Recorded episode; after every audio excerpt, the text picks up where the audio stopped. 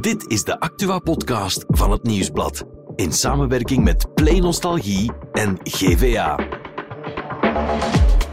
Het is vandaag woensdag 24 januari en in deze Insider en in die van morgen doen we iets anders dan gewoonlijk. We gaan het in een tweedelige reeks hebben over de oorlog in Oekraïne en dat doen we met een heel bijzondere gast. Onze insider vertelt ons in deze eerste aflevering alles over het leven aan het front, want daar was hij zelf bij. Mijn naam is Eline van de Geugten en dit is The Insider. We maken er vandaag een bijzondere insider van. Het is de eerste aflevering van een special die we gaan maken rond Oekraïne, een tweedelige special. En dat heeft alles te maken met onze gast vandaag, Arno de Dekker. Welkom. Dankjewel. Arno, ik ga jou even voorstellen aan onze luisteraars. Jij bent oorlogsreporter. Jij hebt de afgelopen twee jaar heel veel tijd in Oekraïne gespendeerd, aan het front. This is direct fire. Let's go, go. Open the windows.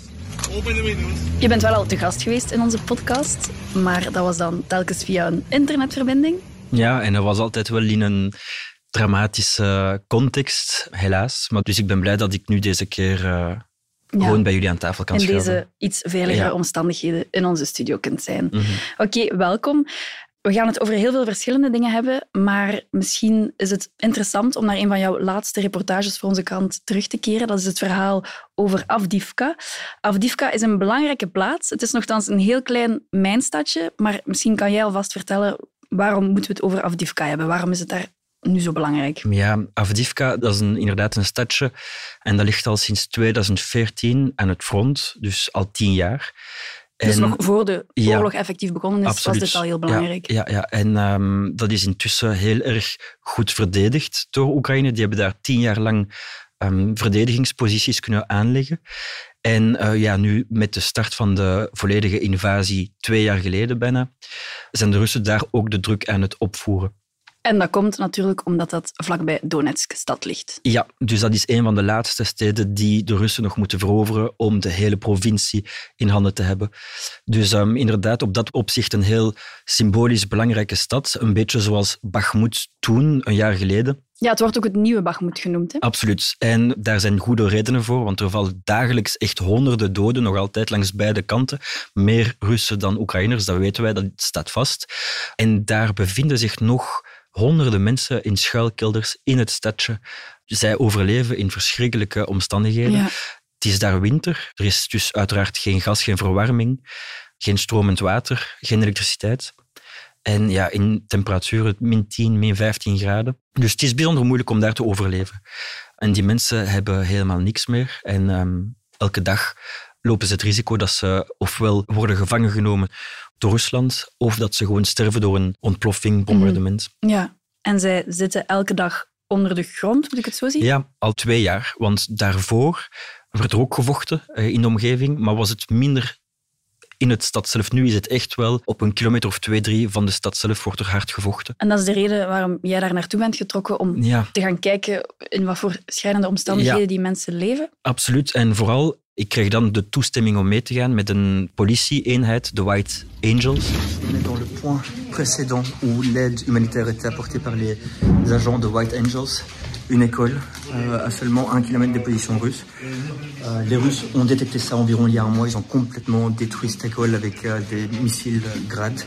Il reste plus rien. En eh, zij zijn ongeveer de enigen die nog dagelijks naar het stadje rijden met een bus vol humanitaire goederen, water, eten, hygiënische pakketten, om die allemaal te gaan afleveren. Want anders sterven de mensen daar gewoon eh, van... eh, Zijn die aan hun lot ja, overgelaten? ja, ja, ondervoeding, eh, geen water. En die White Angels, wat moet ik mij daar juist bij voorstellen? Dat is Ja. een, een beetje een lieflijke naam, maar ik vermoed dat er wel wat steviger aan toe gaat dan de naam Dus dat is een team eh, van een tiental ongeveer politieagenten. En voor de start van de invasie waren zij politieagenten in de stad Avdivka. Dus ze, ze kennen de, dat zijn een beetje locals en ze kennen de stad heel goed.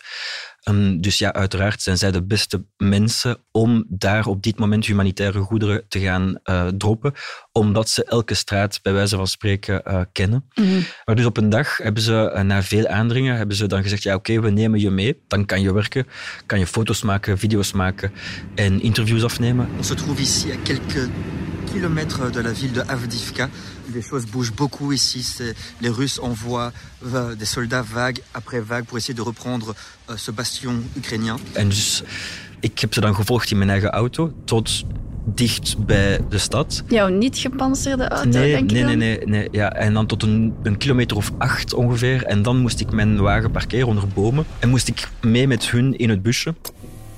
En, eh, en toen vertrokken we. En ik had eigenlijk niet zo goed door wat we gingen doen. Ik wist wel dat we daar naartoe gingen. Maar eh, toen ze vertelden dat het dorpje waar we naartoe reden half bezet was, had ik wel zoiets van, oeh, maar...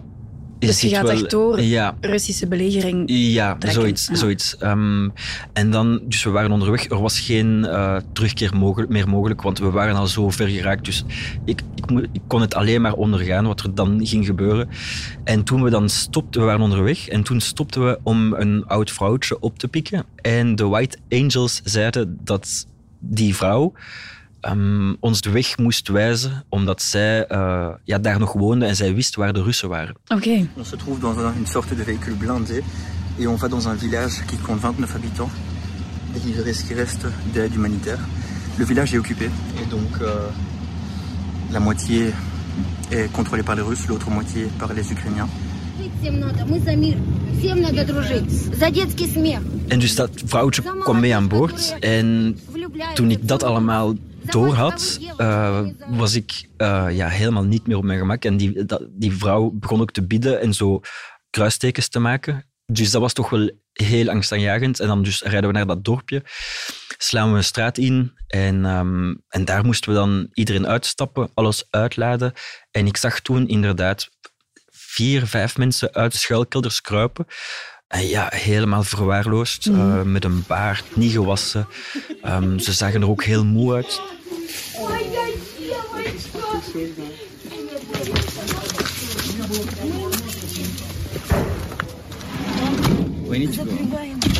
En zijn dat dan gezinnen of wat voor mensen Eh, zitten vooral ouderen, dus eh 50 plus, zes- eh, 60 plus. die niet meer konden wegvluchten. die, die niet willen wegvluchten eigenlijk, want ze hebben nooit iets anders gekend dan hun dorp. Dus ze kunnen zich geen leven inbeelden buiten hun dorp. En dus ze zeggen, het enige wat we hopen is dat we blijven leven. Als dat nu is onder Russisch bewind of Oekraïns bewind, dat maakt op zich niet veel uit voor die mensen. Die, zijn, die hebben hun huisje, hun tuin. Ze willen gewoon ze thuis zijn, blijven. Ze zijn ja, zelfvoorzienend. En dus hun wereld draait rond wat ze kennen. En wat, wat ze kennen is Avdivka. Dus ze willen niet weg. Mhm. Dus we kunnen dat raar vinden, maar eh, ja, ik had daar eigenlijk ook wel begrip voor. En dus dan hadden we inderdaad een aantal minuten om alles uit te laden, want de bommen ontploften echt niet ver van... Je van- hoort dat dan ja, op ja, dat je moment. Hoort, je hoort het gefluit, je hoort de bommen vallen. Problèmes, Dat was echt wel spannend. Ehm, en dus ik denk na vijf, zes minuten was de job klaar en kropen wij terug in het busje en waren we weer weg. Oké. Dus, en dat is dan, dat heb ik één keer meegedaan, maar die agenten van de White Angels, zij gaan dagelijks. Dus om maar te zeggen hoe gevaarlijk die job is, ongelooflijk eigenlijk. We hebben net gehoord over ja, een van de schrijnende situaties in Avdivka, hoe de burgers daar in heel ja, vreselijke omstandigheden leven, al twee jaar lang. Er is natuurlijk ook het front, waar de Oekraïnse soldaten zijn, ook de Russische, maar jij bent ook in de loopgraven beland bij Oekraïnse soldaten. Hoe was dat? Ja, dat voelt een beetje aan als eh, een ander tijdperk. Volledig ander tijdperk, want eh, daar moet je ten eerste je telefoon afzetten, vliegtuigmodus, want anders weet je nooit wat de Russen kunnen onderscheppen van informatie. Dus telefoon uit. Ehm, en dan rijd je bijna altijd opnieuw in een gepantserd voertuig naar die laatste posities. En dan het laatste stukje doe je te voet ehm, door de bossen heen ehm, tot de loopgraven. En dan is dat, eh, ja, zoals ik zei, van een ander tijdperk. Ik denk dat iedereen wel ooit films heeft gezien van de Eerste Wereldoorlog. Ja, dat, is tijdperk. exact, dat is exact hetzelfde. Bemodderde loopgraven met eh, houten planken langs de zijkanten om de modder tegen te houden als het regent.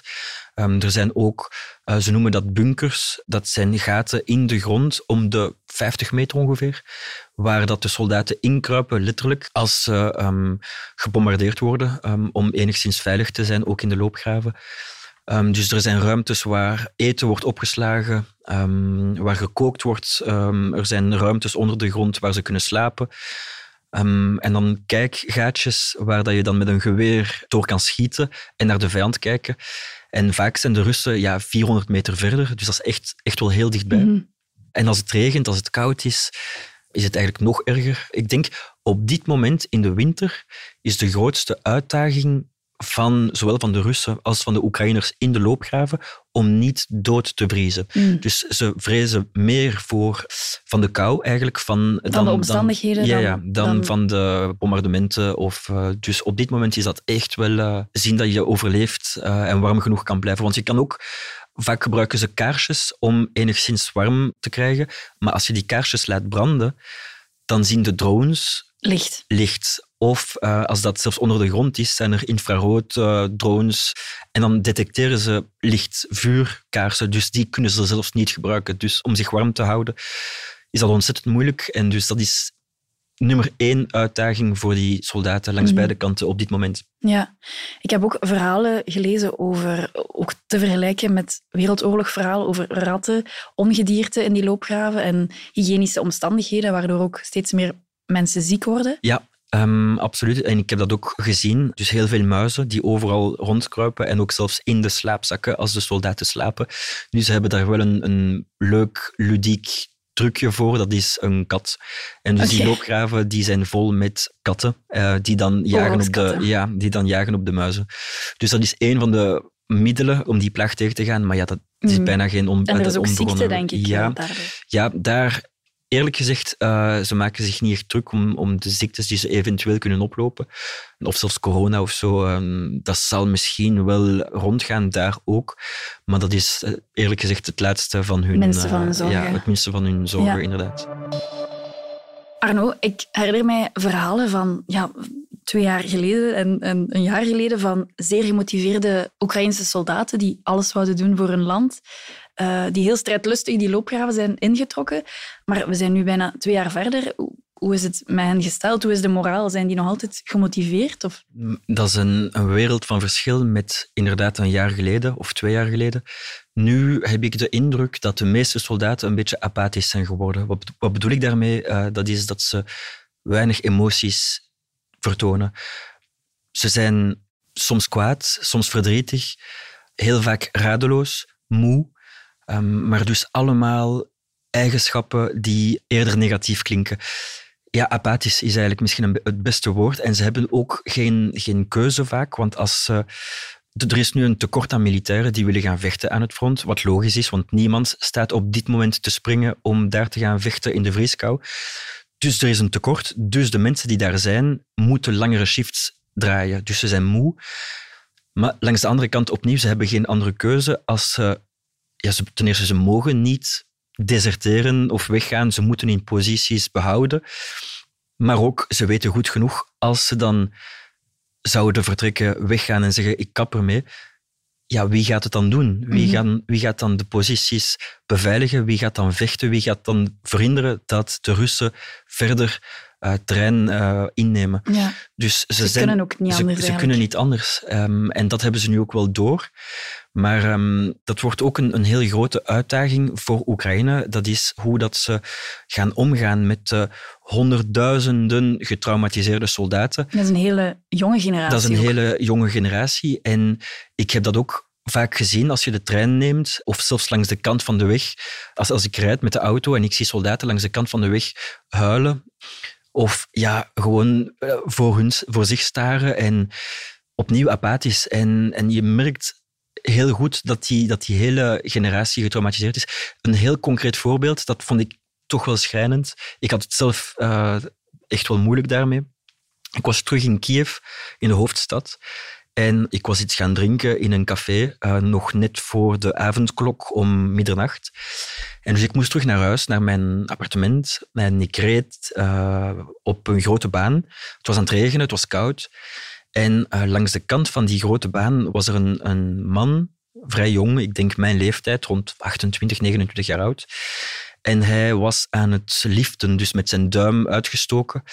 En, eh, en ik rijd er voorbij en ik dacht, oei oei, het is bijna middernacht, bijna avondklok. Die man eh, die, Die geraakt moet niet thuis, huis, die, ja. ja. die moet naar huis. Dus ik ben dan gestopt en hij stapt in de auto. En ehm, ik had toevallig een pintje in de auto en ik bied hem dat aan en ook een sigaret. En hij was eh, verbaasd en heel blij. Ik vroeg, waar is je telefoon? Kan je geen taxi bellen? Hij zei, nee, ik heb geen gsm meer. Ik ben net terug van Zaporizhia. En ehm, ik, ben een, uh, ik was in de loopgraven en mijn gsm is kapotgeschoten door een sniper. En hij haalde zijn gsm boven en er was een kogel in zijn gsm. En dus hij zei, ik, ik raak niet thuis, ik kan niemand contacteren. Ik ben mijn papieren kwijt, zei hij, ik heb geen geld meer. En dus hij was... Zo surreëel. Ja, ja. En hij was, door de ja, smartphone. Ja, en dus uh, ik heb hem dan een aantal sigaretten gegeven, nog twee of drie pinten die in de auto lagen. En hij was heel blij daarmee. Maar um, de volgende dag had hij, had hij dan een, een, oplossing gevonden met zijn smartphone. En hij stuurde mij berichten op Instagram. Een beetje een, no een noodkreet van hey uh, Arno, jij bent journalist. Weet je waar ik terecht kan? Ik herken mijn vrienden niet meer. Ik weet niet wat ik moet doen. Ik, ik, weet, de laatste, ik weet niet meer wanneer ik voor het laatst gegeten heb. Heel dramatisch. En dat was getraumatiseerd. En dat is dan één man die terugkwam van het Zuidfront. En zo zijn er heel veel natuurlijk. Ja, dus, ja. dus één grote vraag voor mij is: hoe gaat Oekraïne omgaan met die hele generatie mannen? Um, mensen die uh, ja, nergens terecht kunnen met hun verhalen. Um, die zijn bijna allemaal vrienden, kennissen kwijt. Die um, misschien ook geen thuis meer hebben vaak. Misschien geen thuis meer hebben. Of die gaan dan terug naar hun vrouw en kinderen, bijvoorbeeld. Ja, waarover moeten ze dan plots beginnen praten na zoveel maanden in het oosten, uh, in de loopgraven. Dus die hele, het mentaal welzijn van die hele generatie, dat wordt de volgende grote uitdaging mm -hmm. na de oorlog. Um, als die ooit uh, binnenkort uh, of, of stopt, dan, dan wordt dat eigenlijk de volgende oorlog die ze moeten voeren. Um, ja, eentje het, over het mentaal, mentaal welzijn. welzijn ja. ja.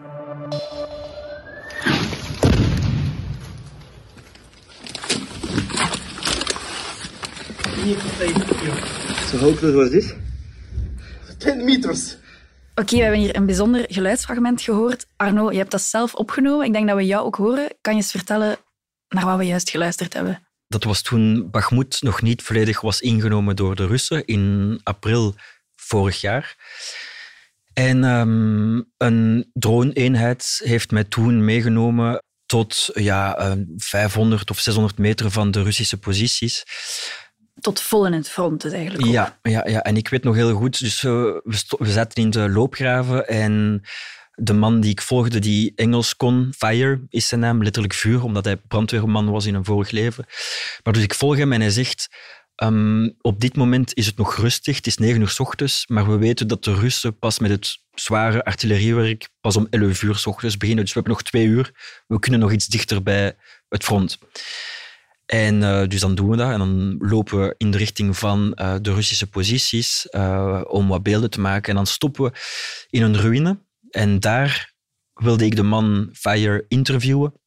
Ik stel hem een aantal vragen.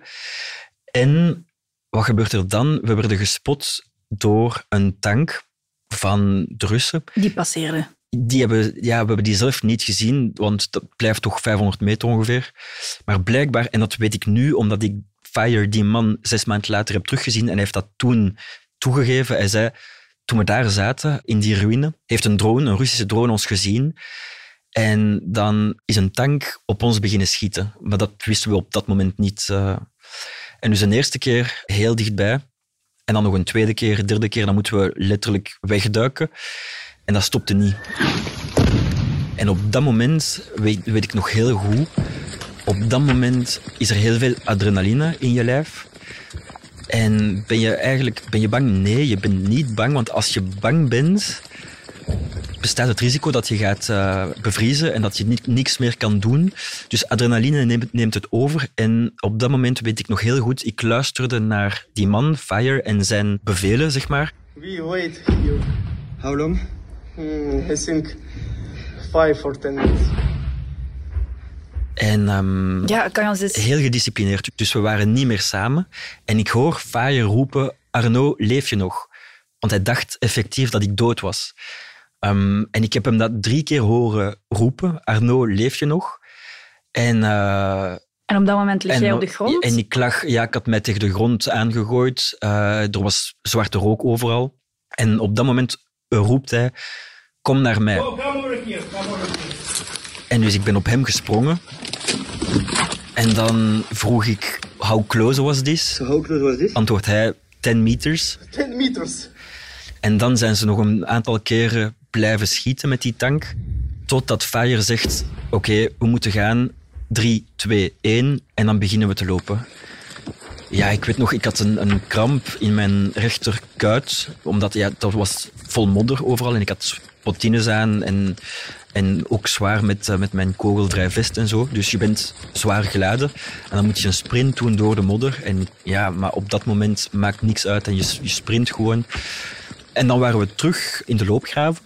En het is pas inderdaad zes maanden later dat diezelfde Fire dan tegen mij zei van kijk, toen was dat eigenlijk niet, eh, niet oké. Ik werd op mijn vingers getikt door de commandant, want ik mocht niet zo dichtbij meenemen. Ehm, en toen heeft hij ook gezegd, een tank heeft ons gezien toen. eh. Arno, je zegt, op dat moment ben ik niet bang, voel ik geen angst. Dat is echt adrenaline en, en je wilt vluchten. Maar dan kan ik me inbeelden dat je een half uur of een uur later Ja. op een plaats stilstaat en dan komt het wel binnen, denk ik, wat er net gebeurd is. Ja en nee, want een uur later, of twee uur later, zat ik dan alweer in dat panzervoertuig terug richting de basis. En dan begint het werk. Dan moet ik mijn teksten schrijven, mijn video's doorsturen.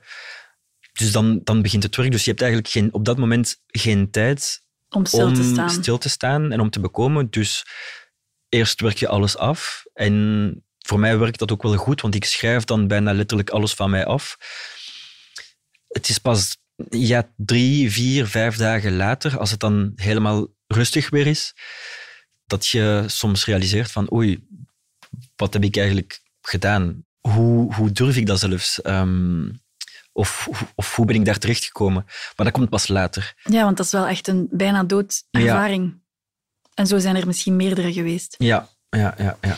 Nu, ehm, ja, je hebt pas later tijd om daar dan echt bij stil te staan. Want als je in Oekraïne bent, is het een na het andere. Maar nu ben je in België eh, sinds half december, geloof ik. Ja. Ja, hoe is het dan hier nu? Want ik denk dat je nu wel heel veel tijd hebt om bij alles stil te staan. Ja, als ik terug in Brussel ben of in België, ehm, het is een volledig ander leven. Het is echt eh, heel interessant om mee te maken, maar je past je heel snel aan. Dus ja, ik, ik ben nu terug thuis in, in Brussel en het voelt een beetje, soms voelt het een beetje alsof ik nooit in Oekraïne ben geweest. Het zijn twee verschillende hoofdstukken of twee verschillende facetten van mijn leven. En ik vind het wel interessant en ik denk dat dat ook nodig is om zo te functioneren. Want als je al die miserie uit Oekraïne meeneemt naar je thuis, dan kan je het niet volhouden. Dus eh, ik weet niet of dat normaal is of hoe ik het doe, maar het lukt mij min of meer om eh, mezelf te zijn in Brussel alsof ik nooit in Oekraïne was geweest, denk ik. Langs de andere kant is dat ook niet helemaal waar, want een aantal mensen zegt wel so- soms tegen mij, Amai, Arno, je bent precies een andere persoon. Of, of bijvoorbeeld eh, Bruno Beekman, een, een andere freelance journalist die ook veel in Oekraïne werkt, die zegt vaak, Arno is niet meer dezelfde dan een jaar geleden. Ik hoor dat eigenlijk niet graag, want ik geloof graag dat ik wel nog dezelfde ben. Mhm. Maar als ik hem dat hoor zeggen, dan denk ik wel, tja, ben ik dan veranderd, ja of nee? Wat denk je is- zelf? Ik hoop van niet. Maar eh, ja, het is moeilijk om over jezelf te oordelen of je veranderd bent of niet. Ik vraag me nu wel af, ga je nog teruggaan naar Oekraïne, naar de oorlog, naar een andere oorlog? Is er nu ja, een, een stiel bij u opgewekt, oorlogsjournalistiek? Is dat wat je de rest van je leven wilt doen? Ik denk het wel, maar natuurlijk voor Oekraïne heb ik al reizen gemaakt en probeerde ik ook altijd ehm, verhalen te vertellen die onderbelicht dreigen te worden in moeilijke landen soms, Centraal-Amerika, Zuid-Amerika, West-Afrika. Dus ik had al een, een hoop ervaring met reizen.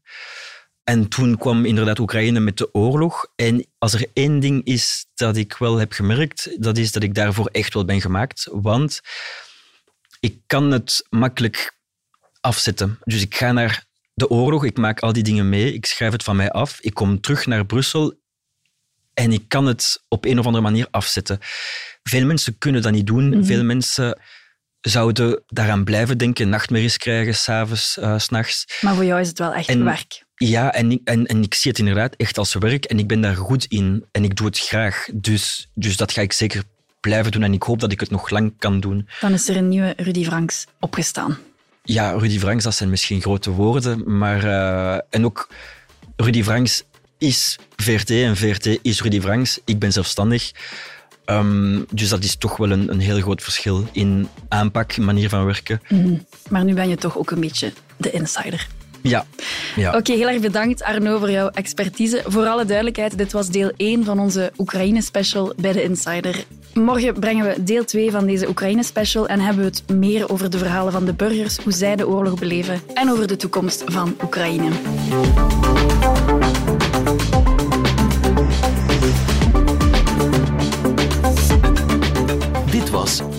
Insider, een podcast van het Nieuwsblad in samenwerking met Play Nostalgie en GVA. De muziek is van Pieter Santens. De montage gebeurde door House of Media. Wil je reageren? Mail naar podcast.nieuwsblad.be.